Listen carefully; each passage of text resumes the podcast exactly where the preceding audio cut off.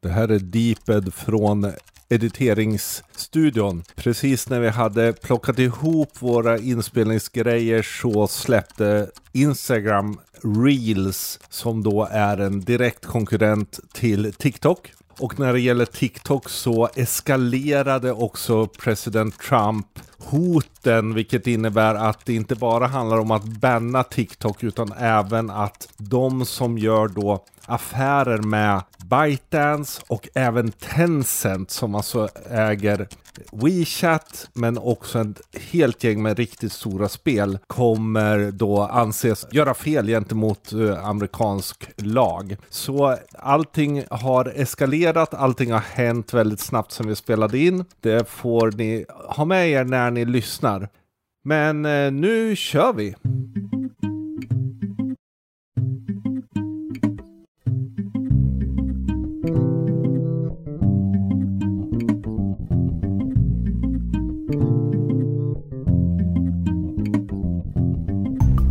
Hej, det här är podcasten Social by Default tillbaka igen och precis som alltid är det jag, Sara Larsson Bernhardt, som tillsammans med Deepen Niklas Strand driver den här podden. Vill ni kommentera vårt avsnitt eller har idéer för framtida avsnitt, twittra till oss med hashtaggen Social by Default eller prata med oss på vår Facebook-sida alternativt vårt Instagramkonto. Hej Sara! Hej Niklas! God sensommar på dig! Slutet på semestern och något som kallades sommar. Ja, jag har ju redan börjat jobba. Ja, du smygstartar lite en vecka tidigare. Ja, ja eh, lite så. Hur är det? Jo, men det är bra. Eh, är på landet. Um, har tre, fyra dagar kvar innan vi flyttar tillbaka till stan. Och eh, ganska utvilad måste jag säga. Trots en ganska skruttig vädermässig sommar så har jag lyckats ta det ganska lugnt. Så det är skönt. Du då? Jag har också haft en bra sommar. Jag, jag är ju liksom, vä vädret har ju varit dåligt, det är ju tråkigt. Men samtidigt, jag är ju inte sån där ligga på stranden människa. Så jag har, ju, liksom, jag har ju cyklat och jag har gått. Jag har tagit väldigt mycket bilder. Jag har varit lite i Dalarna. Jag har handlat lite konst. Jag har sådär. Så jag har ändå haft det ganska bra tycker jag. Och vilat väldigt mycket. De två första veckorna för mig var så här bara, jag gjorde ingenting liksom. Nej, vad skönt. Jag var nog lite samma. De två första veckorna vi flyttar ju alltid ner till landet det första vi gör och eh, det blåste fullkomlig storm i två veckor. Det var sådär som man trodde att det var novembervindar och det var ganska kallt. Så efter två veckor så fick jag mig ett tokbryt och liksom, vad fan är det här sommar? Och om jag inte skulle gå under och det såg inte ut som att vädret skulle ändra sig så eh, vi satte oss helt enkelt i bilen och körde till Kroatien. För jag å andra sidan är mycket strand och sol och bad och värme. Mm. Så med facit i hand så har vi gjort rätt. För det innebär att man kan umgås med mig resten av året nu utan att jag är irriterad. Och du är brun som en pepparkaka. Ja, men lite som sommaren ska vara. Mm. Det som eh, ändå har varit så känns det ju som man har varit delvis lite avkopplad. Samtidigt har det ju inte riktigt funkat fullt ut. För det händer ju hela tiden saker. Ja, alltså den här sommaren har ju varit eh, väldigt händelserik. Ja, och det är lite där vi tänker prata om? Nej, alltså från ett sociala medieperspektiv så har det ju nog varit en av de mest händelserika somrar på många, många år. Och det har egentligen väldigt lite att göra med att vi är mitt inne i en coronapandemi utan snarare väldigt mycket annat som har hänt. Vi har ju lite olika flöden. Vi använder ju olika sociala medier olika mycket. Hur upplever du att corona syns nu gentemot typ mars, april när det var som nyast? Det, det känns som det har gått tillbaka lite till det vanliga. Nu har ju jag en hel del svenska vänner, vilket innebär att det har varit mycket hemester. Det har varit mindre utlandssemestrar och så. Man har märkt att det har varit ett mindre flöde flöde från företag. Det känns som att där har det varit lite lugnare i företagsuppdateringar gentemot vad det brukar vara andra somrar. Där tycker jag att det har känts som att det vanligtvis flyter på ganska mycket. Sen har vi ju också sett att influencers har ju fortfarande haft problem att skapa innehåll. Där märker jag nog den största skillnaden i mitt flöde, men det har vi gjort under hela våren och de har inte riktigt kommit tillbaka Nej. hos mig. Och sen en trend som jag tror att pandemin har resulterat i är att det är mycket, mycket mer nyheter, det är mycket, mycket mer infografs. Det har blivit ett lite annat flöde. Mm. Och den största förändringen tycker jag jag ser på Insta Instagram där. Eh, så såg vi ju faktiskt någon som hade även tittat på det och räknat på det och sett att vi håller på att gå över till att göra Instagram till ett mer informationsflöde snarare än upplevelseflöde mm. i vissa fall. Då. Och det är ju inte bara i eh, storyformatet som Nej. vi ser den här utvecklingen utan även i det mer traditionella flödet faktiskt. Nu följer jag väldigt mycket media, nyhetskonton och liknande och där har det ju varit en del sånt innan, men jag tycker också att man ser att använder sina bilder och sina filmer och sina konton på ett lite annat sätt nu. Mm.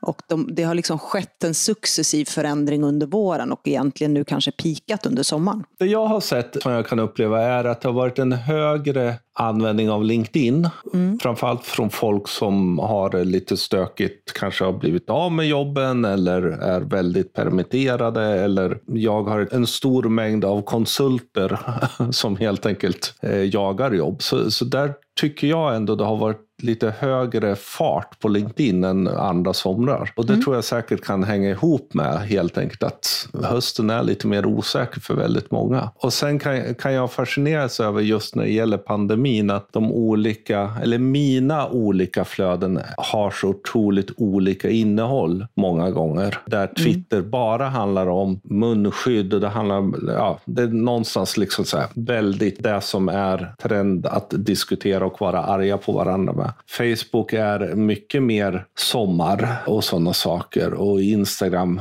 är ju lite speciellt eftersom jag har ungefär 40 procent fotografer. Så är det, så, men, men, men ändå, mycket solnedgångar. Ja, väldigt mycket solnedgångar. Det har ju varit några snygga sådana. Och så LinkedIn bara fortsätter vara LinkedIn. Liksom. Så, mm. så det kan fascinera mig. Fast jag tycker ändå att man har sett en liten förändring i LinkedIn-uppdateringarna också. Jag vet att du och jag har diskuterat det under våren där man ser att det har blivit lite mer privat personligt. Ja. Från att ha varit väldigt, väldigt jobb professionellt inriktat så har det kanske också på grund av det du säger att folk har varit permitterade, folk har kanske dessutom eh, förlorat jobbet och i brist på det så har man blivit lite mer personlig i sina uppdateringar. Ja, och en del blir helt galna på det så att de blir jättearga mm. och så råkar man uppröra de som blev arga på det. Eh, det hände ju en diskussion som jag råkade vara med i sommar. Ja, jag är väldigt splittrad för jag tycker att man själv får skapa sitt eget flöde och man själv får skapa sitt eget innehåll. Och sen om ens kontakter tycker om det eller inte, jag menar det lär man märka ganska snart på engagemangsgraden. Ja. Sen tycker jag det är synd, och det har vi diskuterat tidigare, när alla kanaler blir väldigt lika. Mm. Vi är ju så otroligt noga när vi jobbar med våra företagsposter att vi inte ska duplicera innehåll eftersom kanalerna är olika. Jag ser väldigt gärna att, att det fortsätter så. För jag kan ibland ha svårt när jag går in via telefonen på Facebook eller på,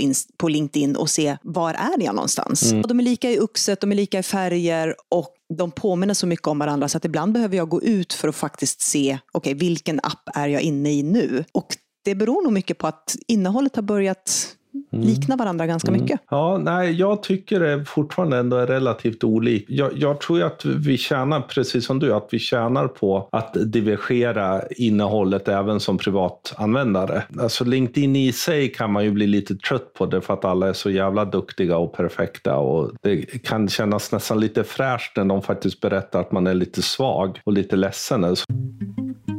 För sociala medier eh, fortsätter ju växa och eh, Hootsuite och We Are Social har ju då kommit med sin eh, årliga ja, sifferrapport. Den är till och med nästan på månadsbasis. Jag tycker ju att en av de mest intressanta saker är ju att halva jordens befolkning idag använder sociala medier på ett eller annat sätt. Ja, det är ju fascinerande och det innebär ju att det här är ju liksom ingenting som kommer försvinna överhuvudtaget, utan det här är en del av vårt liv. Och det tycker jag är spännande. Och jag tycker också det är spännande hur mycket tid vi lägger på det varje dag i genomsnitt. Alltså vi lägger ungefär två timmar och 20 minuter i snitt. Mm. Och då självklart är det många av ungdomarna som taggar uppåt en 6-7 timmar om dagen. Och det finns ju några som är äldre som inte gör det. Att det är en så pass stor del av vår vardag att snitttiden för halva jordens befolkning på sociala medier är två timmar 20 minuter. Mm. Det är imponerande. Att, att man använder så pass mycket. Därför det är liksom, messaging är ju väldigt störst. 99 procent av alla liksom, liksom mm. använder det under en månad. Vi är liksom nästan långt in i mainstream. Det intressanta var ju mm. att under earnings, de har ju släppt då kvartal två, så har ju Facebook börjat räkna på månatliga användare för hela familjen. Facebook, Messenger, WhatsApp, Instagram. Och det är mm. över tre miljarder nu som helt enkelt använder i familjen. Liksom nästan alla internetanvändare.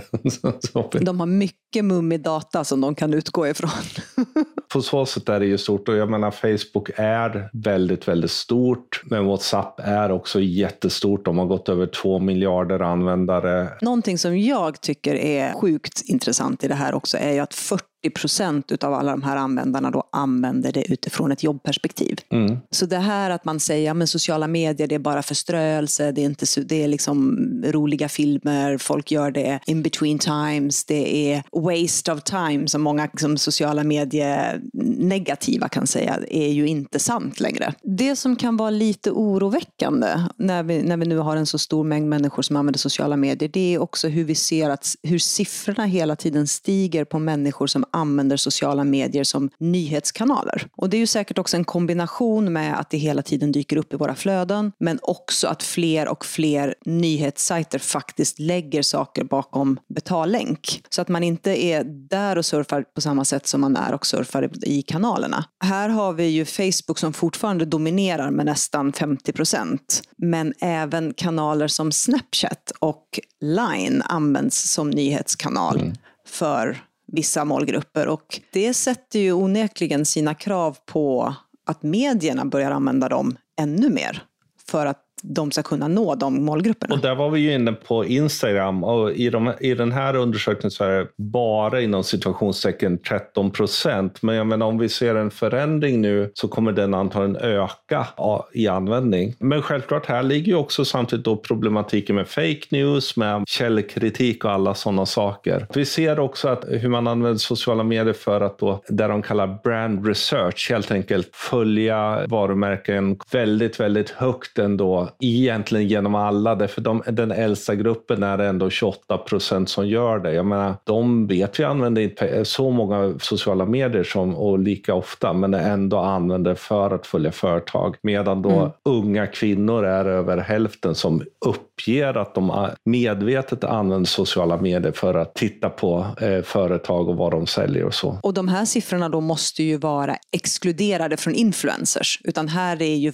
varumärken och företag som man följer. Ja. På det då så har du ju ett gäng influencers som också driver väldigt mycket av varumärkesmedvetenheten i alla samarbeten. Där är det nog uppåt 75, 80, 90 procent egentligen. Mm. Det är någonstans där vi har att titta på i höst och det tror jag att vi kommer komma tillbaka och att faktiskt börja titta på vad är det man kanske behöver fundera över i höst. Men det har hänt så mycket mer under sommaren.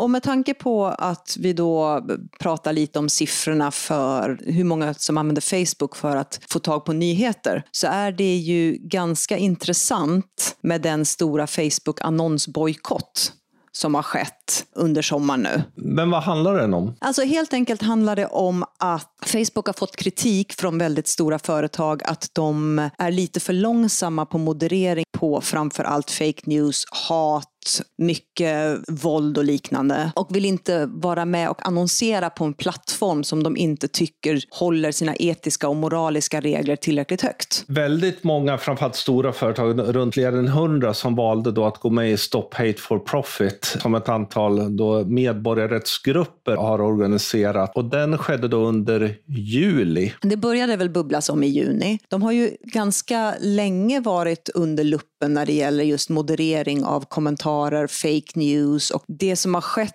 som också skedde i början av sommaren var ju att det började bubbla ganska mycket. Och helt enkelt alltså stora företag som Unilevel, Coca-Cola, ett antal andra giganter gick helt enkelt ut och sa att vi vill inte vara med och finansiera en plattform och annonsera på en plattform som inte inte har ett schysst klimat. Och helt enkelt valde att stoppa hela sin annonsering under framförallt juli. Men där Unilevel har gått ännu längre och säger att de tänker inte annonsera på varken Facebook, Instagram och inte heller Twitter förrän efter årsskiftet igen. Unilever lever ju lite i sin egen lilla, eh, vad ska man säga, sidonivå på det sättet. Att, att de har ju pratat mycket om att inte annonsera så mycket på sociala medier ganska länge och förändra mm. sin digitala. Och så, här kan man ju se att också i den här fanns det dels då aktivistvarumärken som Patagonia och sådana varumärken som gick med väldigt snabbt och var väldigt högljudda i den här bojkotten. Och sen då stora varumärken som då Unilever och, och Starbucks var väl halv med och sådana saker som då tänkte att ja men den här månaden tar vi bort. Det, det som blir intressant då när man, för då tänker man oj så mycket som de förlorar och självklart förlorar de mycket men Facebooks styrka ligger ju faktiskt inte i annonseringen hos de stora utan mer vad man kan kalla mom and pop businesses. Alltså helt enkelt små företag som gör små delar men som är väldigt många. Det är som de räknar med att de här stora företagen som inte ligger på ungefär 16 procent av omsättningen. Självklart mycket att bli av med, mm. särskilt i ett coronatillfälle. Och det verkar inte tittar man på earnings och så, så har det inte tagit den där riktigt stora grejen som man kanske trodde. Men kan det inte också vara så här att, jag menar, visst, Black Lives Matter, hela den rörelsen och det som egentligen kanske var startskottet till varför den här bojkotten ändå skedde. Kan det inte också vara, vara så att i en situation som vi har befunnit oss i under ett antal månader med pandemin. Många av de här företagen har ganska glättiga produkter.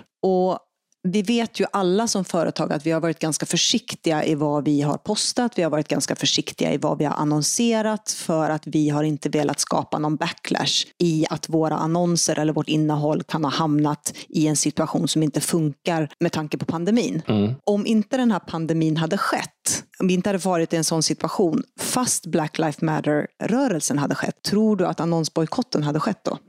Alltså jag tror annonsbojkotten i sig hade dykt upp. Det är inte säkert att den hade blivit så stor igen, lite utifrån där du påpekar. Plus att de här företagen har förlorat väldigt mycket pengar på grund av pandemin och därmed mm. så att säga drar ner på marknadsföring generellt. Framförallt de som då har out of home produkter. Många av dem flaggade ju neddragningar redan innan. Så, så där är någonstans att det hade säkert skett. Den hade säkert blivit på ett annorlunda sätt nu blev den väldigt omdiskuterad men samtidigt försvann den lite i alla andra saker som skedde. Så jag, men det, jag tror egentligen att annonsbojkotten är det mest vi som jobbar med sociala medier och jobbar inom marknadsföring som har tänkt på. Sen ska vi också säga att det var framför allt i USA. Jag tror att i USA mm. kanske man har upplevt väldigt avsaknaden av annonser på väldigt många av de här företagen på ett helt annat sätt än vad vi kanske gör i eh, Sverige. Ja, och sen är frågan, märker man eh, att en annons inte finns. Därför jag menar, annonserna, det, det, är ju ändå fortfarande annonser ute. Sen kanske det är fler, den lilla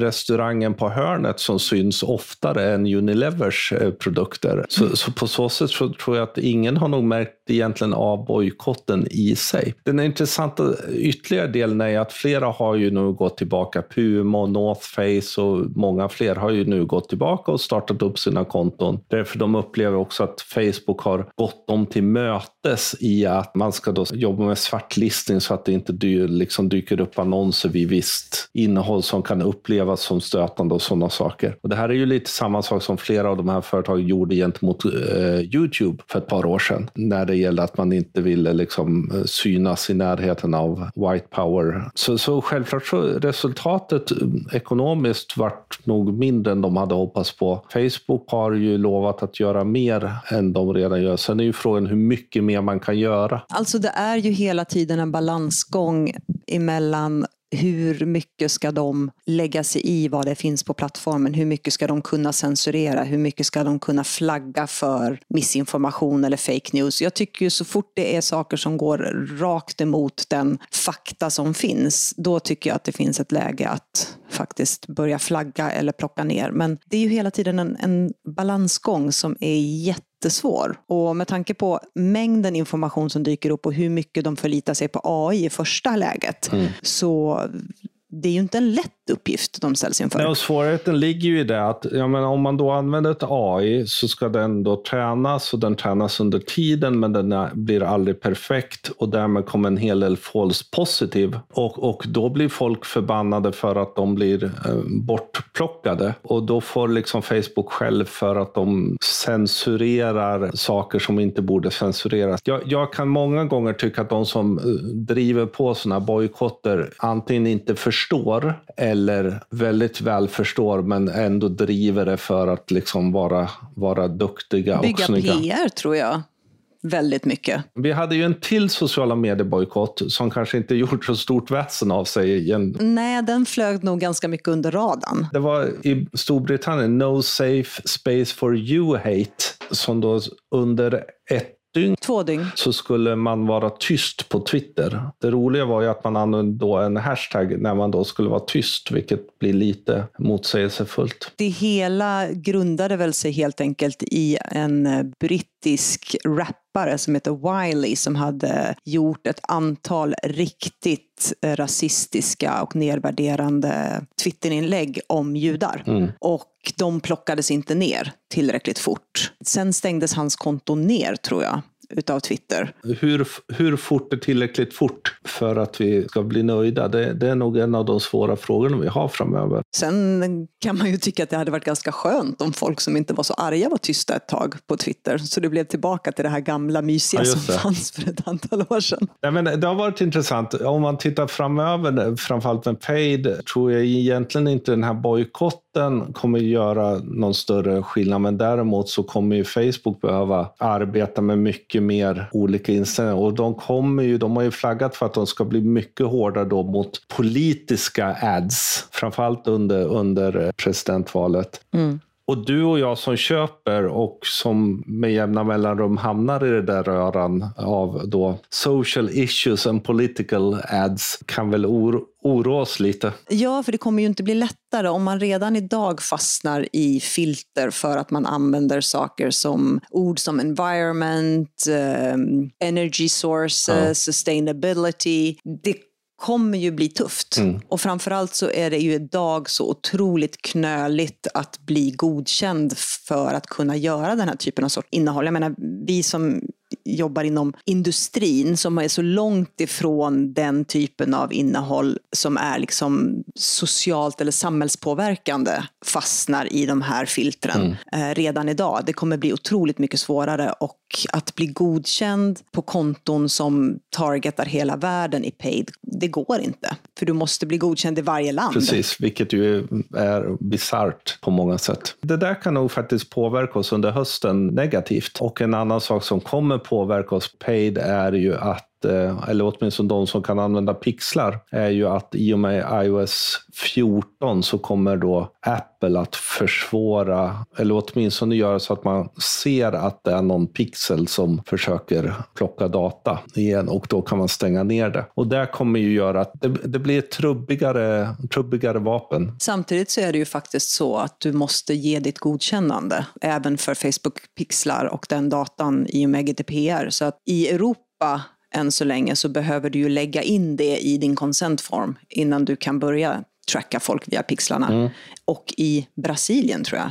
Så för oss kanske det inte är jättestor skillnad. Några saker som har hänt i, i sommar också. Eh, jag menar, vi har haft bojkotter och vi har haft annat. Men det är att det har hackats lite. Du och jag gillar ju sånt, så vi följer ju gärna det eftersom vi älskar bland annat podcasten Darknet Diaries. Den riktigt stora saken var ju när väldigt stora konton på Twitter började skicka ut tweets om att om man skickade in 100 bitcoin så skulle man få 200 tillbaka. Och det, var ju, det började hos Elon Musk och sen så rörde sig vidare allt från stora kändisar J.Lo och alla dem till då, um, Obamas konto. Det där var ju lite oväntat, för ganska snart insåg man ju att det här är ju inte Elon Musk som har blivit galen. Uh, honom är ju liksom den enda man trodde kunde göra sådana saker. Utan det här var ju något, något stort. Vi satt ju och följde det mer eller mindre i realtid, både du och jag. Ja, för eftersom man följer många av de här stora kontona så dök det ju upp exakt samma meddelande. Så det var ganska snart man insåg att det här är ju någonting annat än bara de här som twittrar ut någonting. Det var ganska sent en kväll. Jag tror att vi satt runt 23 svensk tid och började upptäcka det här. Och det som helt enkelt hände var ju att hackare hade lyckats komma åt de här konton. Det är ju verifierade konton och borde därmed vara ännu mer säkra och kunna då göra det här. Och det vart ju lätt kaotiskt eh, förstår man på Twitter. De kanske inte skötte sin kommunikation jätteväl från början. Eh, Nej, jag tror att de blev sjukt tagna på sängen. Jag menar, det, är inte, det här är ju inte ett litet hack vi pratar om. Alltså att Nej. lyckas ta sig in och komma åt så här stora tvåfaktors autentiserade verifierade konton för att komma åt och twittra ut samma meddelande. Eh, och, och ganska snabbt började man inse att det här är inte heller att de har hackat sig igenom kontona eftersom de ju är tvåfaktorsverifierade och även de då som hade fått sina konton då förändrade hade ju då andra konton och gick ut och sa att hallå, vi har tvåfaktorsautentisering, det här ska inte kunna hända. Så då började man inse att det måste vara inifrån Twitter och det visade sig ju ganska snart, framförallt eftersom eh, då hackarna började berätta det själva att det här var inte Evil Corp eller någon av de, de stora hackergrupperna, vilket ju är tur att det inte var det, för det kunde ju blivit kaos. Utan det här var några eh, små, små hackare som hade lyckats med social engineering, få tillgång till då ett, ett internt tool och hade då börjat med att helt enkelt sälja konton, bland annat OG-konton, alltså de som är så här en eller två bokstäver till då de som ville ha det. Och genom att ändra e-mail så kunde de göra det här. Men sen då eh, fick för sig att vi testar det här och helt enkelt gick på 130 stora verifierade konton. Men jag måste ändå säga att även om Twitter blev tagna på sängen så, och kanske någonstans inte riktigt aceade sin kommunikation runt det här så var de ju ändå väldigt snabba på att helt enkelt stoppa all möjlighet för verifierade konton att fortsätta twittra. För det var ju där de, de insåg att de var tvungna att göra. Så de, alla verifierade konton blev då låsta. under ett antal timmar. Vilket innebar att det var väldigt kul på Twitter. Därför alla blev så här, wow, nu är det party, nu är de blå plupparna borta.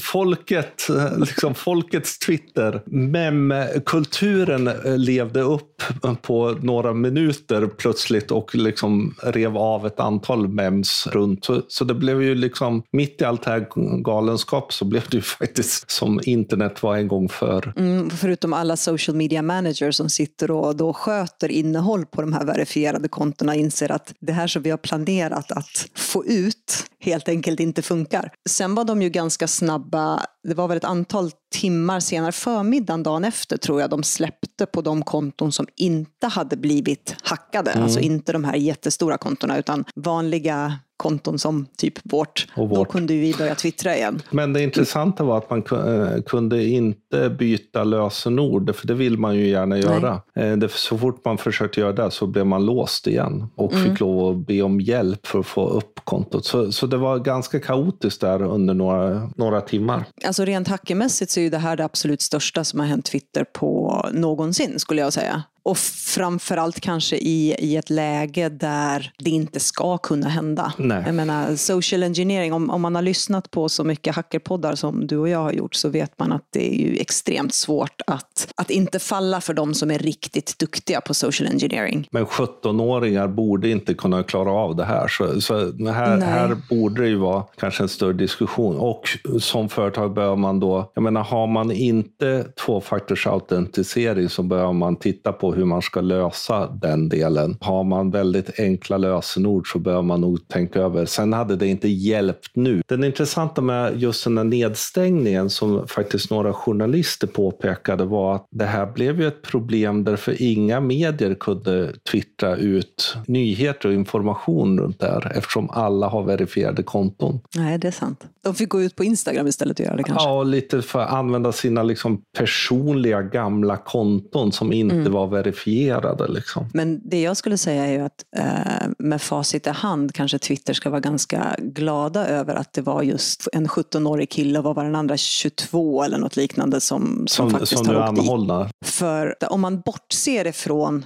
bitcoin-twittrandet så den, det stora problemet för Twitter var ju att i och med att de kom åt hela backend-delen av Twitter och då kunde komma åt och ändra e-mailadresser och liknande på kontona så kom de ju också åt DM-funktionerna. Mm. Och där pratar vi om någonting som kan vara riktigt farligt, framför allt när vi pratar om den typen av konton som de här hackarna targetade. Ja, och man kan ju tänka sig att ja, men skulle det varit ett av de ja, men kinesiska hacker som stöds av staten, ja, men då kunde de gjort så mycket mer illa saker. Att börja liksom skapa, ska, skapa kanske en eh, våldsam osämja mellan Bill Gates och Trump ännu mer, eh, vilket ju kan mm. innebära massor med svårigheter. Eller påverka börsen eller göra sådana saker. Så vi ska nog vara glada att vara där, men man, samtidigt är det ju fascinerande att en 17-åring ska kunna liksom göra det här. Sen måste jag ju ändå någonstans, jag menar, det är jättefel det de har gjort och jag tror inte de kan förutse sina konsekvenser. Men jag menar, de här killarna kommer ju nu eh, stå inför liksom livstidsfängelsestraff och någonstans så känns det så fruktansvärt att veta att en 17-åring har förstört sitt liv när han skulle kunna använda kunskaperna på ett mycket, mycket bättre sätt. För jag menar, det är ju inga, de är ju smarta. De vet ju vad de pysslar mm. med och han skulle kunna gjort sig en livslång karriär istället. Ja, precis. Och att faktiskt jobba på den goda sidan. Så att, ja, det, det, det, gör lite ont i hjärtat samtidigt, faktiskt måste jag säga. Ett annat hack som då inte gjordes av Script Kiddies påverkade ju, inte mig, men dig. Ja, Garmin blev ju hackat. Ja. Egentligen kanske inte påverkade mig sådär supermycket. Det, den stora delen av Garmin, för de var ju också tvungna att stänga ner mm. hela sin verksamhet under ett antal dagar, är ju den delen som eh, piloter använder. Det är ju riktigt illa. Och det som hände var ju helt enkelt att någon klickade tokigt på en gissningsvis spearfishing-länk. Helt enkelt någon hade sett ut några som eh, de eh, försökte få att klicka på länkar och därmed så startade då ett ransomware. Och ransomware är ju då att viruset är det ju delvis går över hela nätverket och gör om fi alla filer till då krypterade eh, filer så att man inte kommer åt. Så nätverken går ju ner och här kunde man se att det var, det var direkt mot Garmin som de gick. Så inga Garmin-funktioner fungerade på, var det fyra, fem dagar eller någonting sånt där det låg ner? Det är ganska länge. Det är ju länge och, och så. Det, det fanns också hur de skulle göra och det, det låter som att de faktiskt har betalat och mm. det verkar som att det här var då eh, ryska Evil Corp som är alltså ett, ett stort hackernätverk som nästan är som de nya kändisarna inom Black, Black Hat-sfären. Så jag gissar att eh, vår kära Reciter eh, som vi lyssnar på på Darknet Diaries lär ha en del att göra nu att prata om de här två hacken. Ja, jag ser faktiskt fram emot de här avsnitten. Frågan är vilket utav hacken som man kommer ta först. Om det är Garmin eller om det är Twitter-hacket det finns olika sätt att hacka saker på. Det finns ett nytt sätt vi har sett och det är att en stat, eller i det här fallet till och med en president, kan helt enkelt bestämma sig för att en eh, app inte är tillräckligt säker och därmed försöka tvinga den att bli såld till ett amerikanskt företag. Det är ju hela TikTok-diskussionen som har pågått under senaste tiden. TikTok har ju verkligen eh, gått ifrån att ha varit en liten bubblare och en stor tonårsapp till att under hela pandemin faktiskt faktiskt växa sin målgrupp ganska explosionsartat. Ja, verkligen. Vi har väl aldrig pratat TikTok så mycket som vi har gjort nu och nu har vi väl nått snart når vi, skulle jag nog säga, peak TikTok i den här liksom eventuella försäljningen då till USA, där USA kräver att de ska kunna köpa en del av TikTok. Det har ju konstant varit ett ifrågasättande av TikTok mm. under lång tid genom att ByteDance är ett kinesiskt företag. Vi vet att kinesiska företag måste ge så bakdörrar till kinesiska regeringen. Det, det är liksom ganska klargjort. Eh, det TikTok har gjort, förutom att växt, är ju också att de försöker då konkurrera gentemot både Youtube och andra genom att då börja betala innehållsskapare var en av de senaste grejerna de släppte. Och även då öppnat upp för helt enkelt man ska kunna köpa annonser precis på, som på Snapchat så kan man då köpa annonser på TikTok utan faktiskt att ha en närvaro där. Mm. Och, och det här skedde ju liksom lite nästan samtidigt då som det här kom att USA hotade med att då banna TikTok, helt enkelt att det skulle inte få finnas på amerikansk mark. Och den har ju redan bannats i Indien. Ja, precis. Sen ett tag tillbaka. Och nu är ju kanske orsakerna inte riktigt samma. Båda har väl kanske inte helt fläckfri kommunikation tillsammans med Kina. Det är väl snarare de politiska intressena som har gjort att de har stängt ner appen i Indien. Men vi diskuterade det här häromdagen. Jag har hela tiden trott att de har haft två TikTok-appar. Alltså en som heter TikTok som de har lanserat i västvärlden och där inte den här eh, privacy data issuen har varit så stor som den är i den versionen som, den, som finns på den kinesiska marknaden. Nej. Och det där är ju lite oklart hur det egentligen är. För TikTok menar ju att de inte ger iväg någonting. Men det är ju samtidigt få som kanske riktigt tror på det. Så det här är ju väldigt oklart, hela den grunden. Men USA har ju, var, har ju bestämt sig för att fortsätta handelskriget överallt gentemot Kina och det här är väl nästa del i det då. Mm. Det man ska vara medveten om är ju att när man laddar ner en app på en telefon så godkänner man ju vissa saker mm. för att appen ska kunna rulla. Frågan är då, jag menar du godkänner att du ska ha tillgång till vissa delar av din telefon, eventuellt kanske ha tillgång till dina kontakter för att se vilka av de kontakterna som också finns på TikTok och liknande saker. Frågan är den här liksom privacy issue, samlar de in mer data än den jag som användare godkänner när jag skapar ett, ett konto? Den är ju också intressant att ta. Är du 13 år och laddar ner en app och godkänner godkänner den eller är du förälder som godkänner att ditt barn laddar ner en app eller installerar den på din telefon så ligger det ju någonstans i ens eget intresse att man vet vad det är man tackar ja till eller säger ja till. Och dels handlar det om hur mycket varje app frågar efter och framförallt som mm. de så säga, sätter som by default att ska vara för att den ska fungera. Och där har ju TikTok varit väldigt aggressiva i sin datainsamling. Det är ju antagligen inte så att de kan så säga, ta sig bakom på det sättet. Men, men jag menar geografisk data, clipboard har de blivit eh, påkomna att vad heter, plocka ner och sådana saker. Det ju delvis tillräckligt för att åtminstone aggregera data på vad folk är. Självklart är det ett problem och där måste man alltid vara medveten. Vad händer nu då? Microsoft är de som då har, verkar vara närmast att då få köpa TikTok i Nordamerika, Kanada, Australien mm. och de har 45 dagar på sig. Vad innebär det? Jag menar, vad är det de köper? De köper rättigheten att lagra den data som samlas in i det landet, i de här länderna. Ja, det är väl oklart vad det kommer innebära. Alltså det, som det låter så kommer det innebära att TikTok kommer ju bli upphackat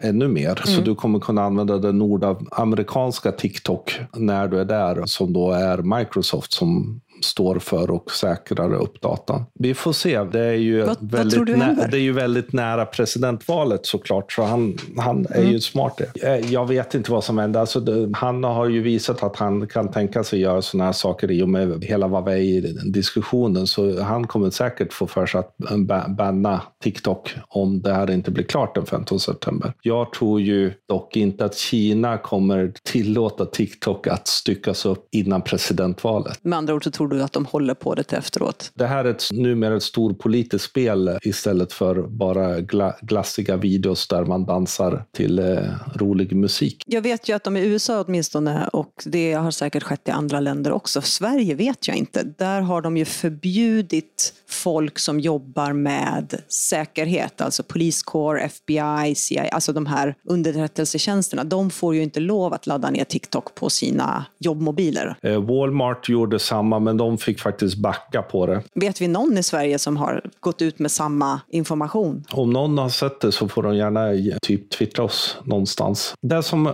då händer nu är ju att alla andra ser ju en chans här. Ja, man kan väl säga att Snapchat kommer göra det som Instagram gjorde mot Snapchat. Alltså Snapchat har själva ansökt om att få eh, skapa en feature som påminner om TikTok. Alltså helt enkelt få göra möjligt att lägga musik på korta filmsekvenser. Mm. Så de försöker ju nu sno hela den idén eftersom de inser att det här är ju en app som den väldigt unga publiken använder och nu också eh, äldre. Så vi får se om de klarar det. Sen finns det en app som heter Triller som då har blivit väldigt nedladdad som gör i princip samma sak som TikTok, framförallt Indien och även USA. Vi får se. Antingen så är det någon av dem som kommer vinna eller så får vi ett nytt sorts TikTok. Du skickade ju mig en ganska intressant artikel om just unga och ungas användningar av appar som påminner om TikTok. Vi har ju haft en, en del sådana här. Den artikeln gick väl i stort sett ut på att TikTok kommer döda sig själv till slut för att unga är så flyktiga mm. i sitt sätt att jobba med appar och algoritmen i TikTok är så otroligt hård och fokuserad på din egen användning att du till slut bara ser i stort sett samma sak. Det finns ju liksom inte två användare som ser samma flöden Nej.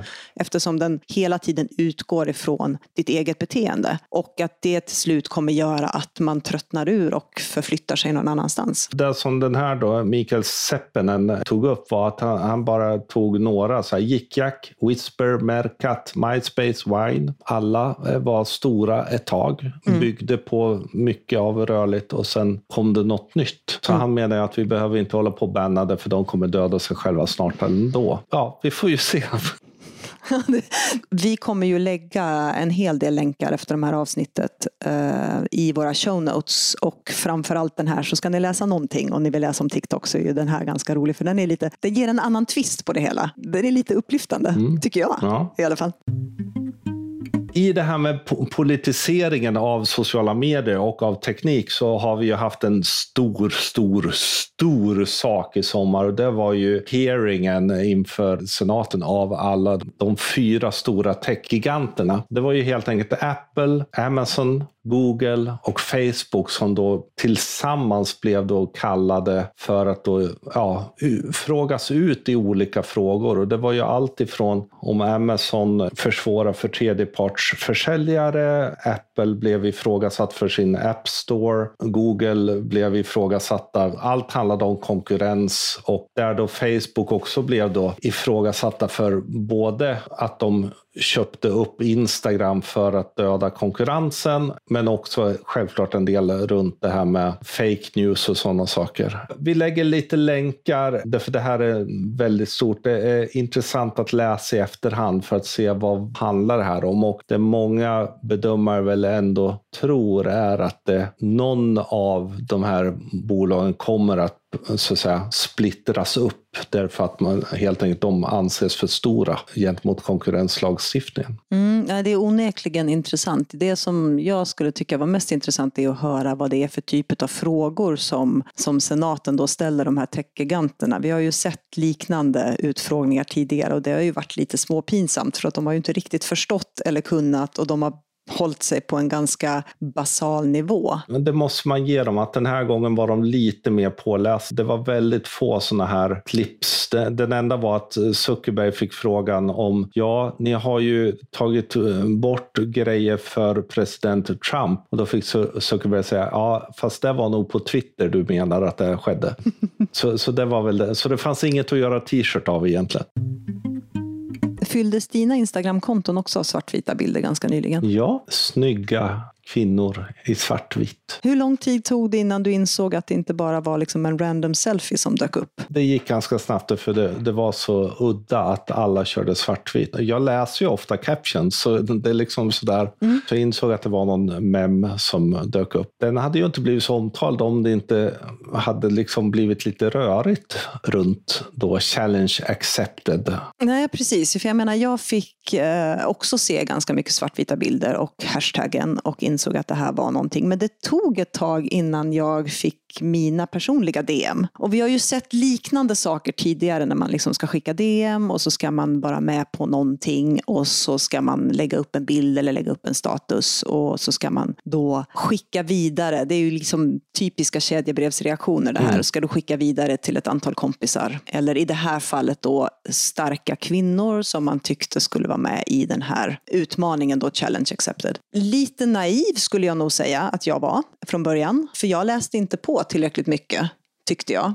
Jag gick in och tittade på hashtaggen och tittade på en del av bilderna och det var väldigt lite som stod captions på de bilder som jag såg. Och la upp en bild, skickade inte vidare. Många kedjebrev stannar hos mig faktiskt.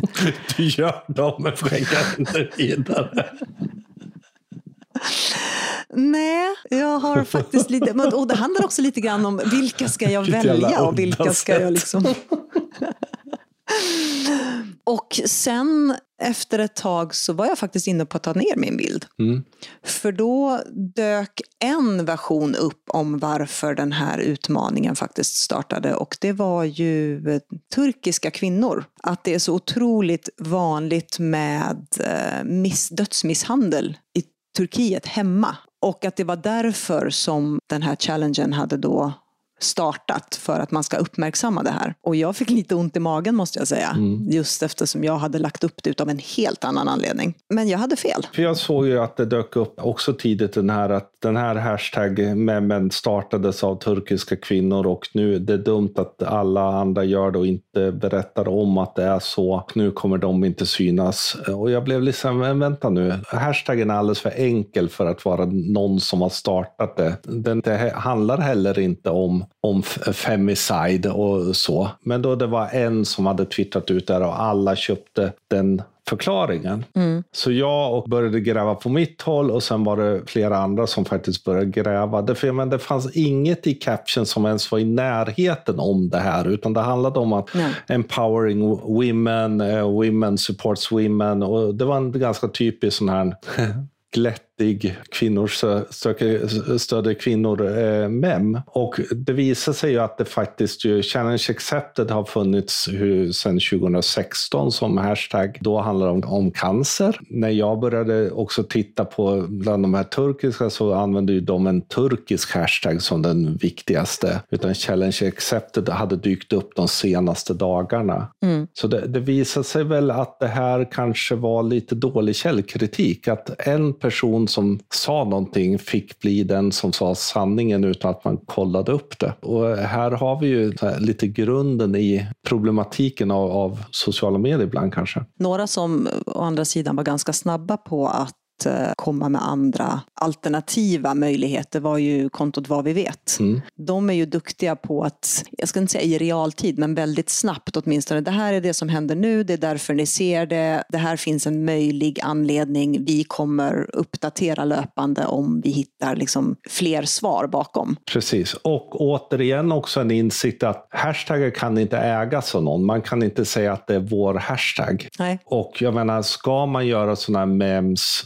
då kan man inte säga nu startar vi den och så göra en sån enkel hashtag. Därför antagligen är den använd någon gång innan. På tal om det så skulle jag ju varit snabb på telefonen fast nu får man inte köra och eh, fotografera samtidigt. För jag körde förbi en byggfirm pickup bil igår ja, en, från en byggfirma där det stod hashtag challenge accepted på och jag kan säga att den där klistermärket var nog inte dagsfärskt så att de hade använt den ett tag. Det är väldigt lätt att se var saker startar någonstans. Så i det här fallet så får nog de som var sura på eh, den här ni som plockade upp. Vi som inte, vi som inte visste. får de faktiskt be lite om ursäkt. För i det här fallet var det ju ändå så att det var två skilda mems mm. som an, antingen använde samma hashtag eller så var det ju faktiskt den så att säga, den turkiska som hakade på Challenge Accepted. Den amerikanska eller brasilianska Women Supports Women. Sen måste jag säga att jag tyckte det var en ganska fin eh, män som gick runt. Ja. Jag, mm. Det var ganska snyggt att se de här svartvita Vakfullt. bilderna. Ja, ja. Hade väl egentligen kanske önskat lite mer text än bara några hashtaggar. Ja, så är det. Det var den sommaren där, hörru du. Mm. Det blir en spännande höst om det fortsätter på det här sättet. Då kommer vi verkligen ha att göra. Nej, men otroligt spännande sommar. Och som sagt, det är ju svårt att koppla bort och koppla ur mm. när man jobbar med sociala medier och är så insyltade i allt sånt här som, som vi är på gott och ont. Så är det. Men det var det vi hade för den här gången. Och precis som vi nämnde tidigare, vi lägger in länkar i våra show notes och de hittar ni som vanligt på podcast.socialbydefault.se. Glöm inte att prenumerera på oss. Vi finns på Spotify, Apple Podcasters, Soundcloud, Acast och Stitcher och det är bara att söka på Social by Default. Om ni gillar den, ge den gärna betyg och vill ni göra oss riktigt glada så recensera den gärna. Prata gärna med oss. Ty till med hashtaggen Social by Default på Twitter vi har ett Twitterkonto, vi finns på Instagram, vi finns på Facebook med oss Social by Default och det är bara att prata med oss där. Vill man nå oss privat eller personligt i alla fall så heter jag Deeped överallt. Och jag heter Sanna CLB överallt. Tills nästa gång, ha det så bra. Hej då. Hej då.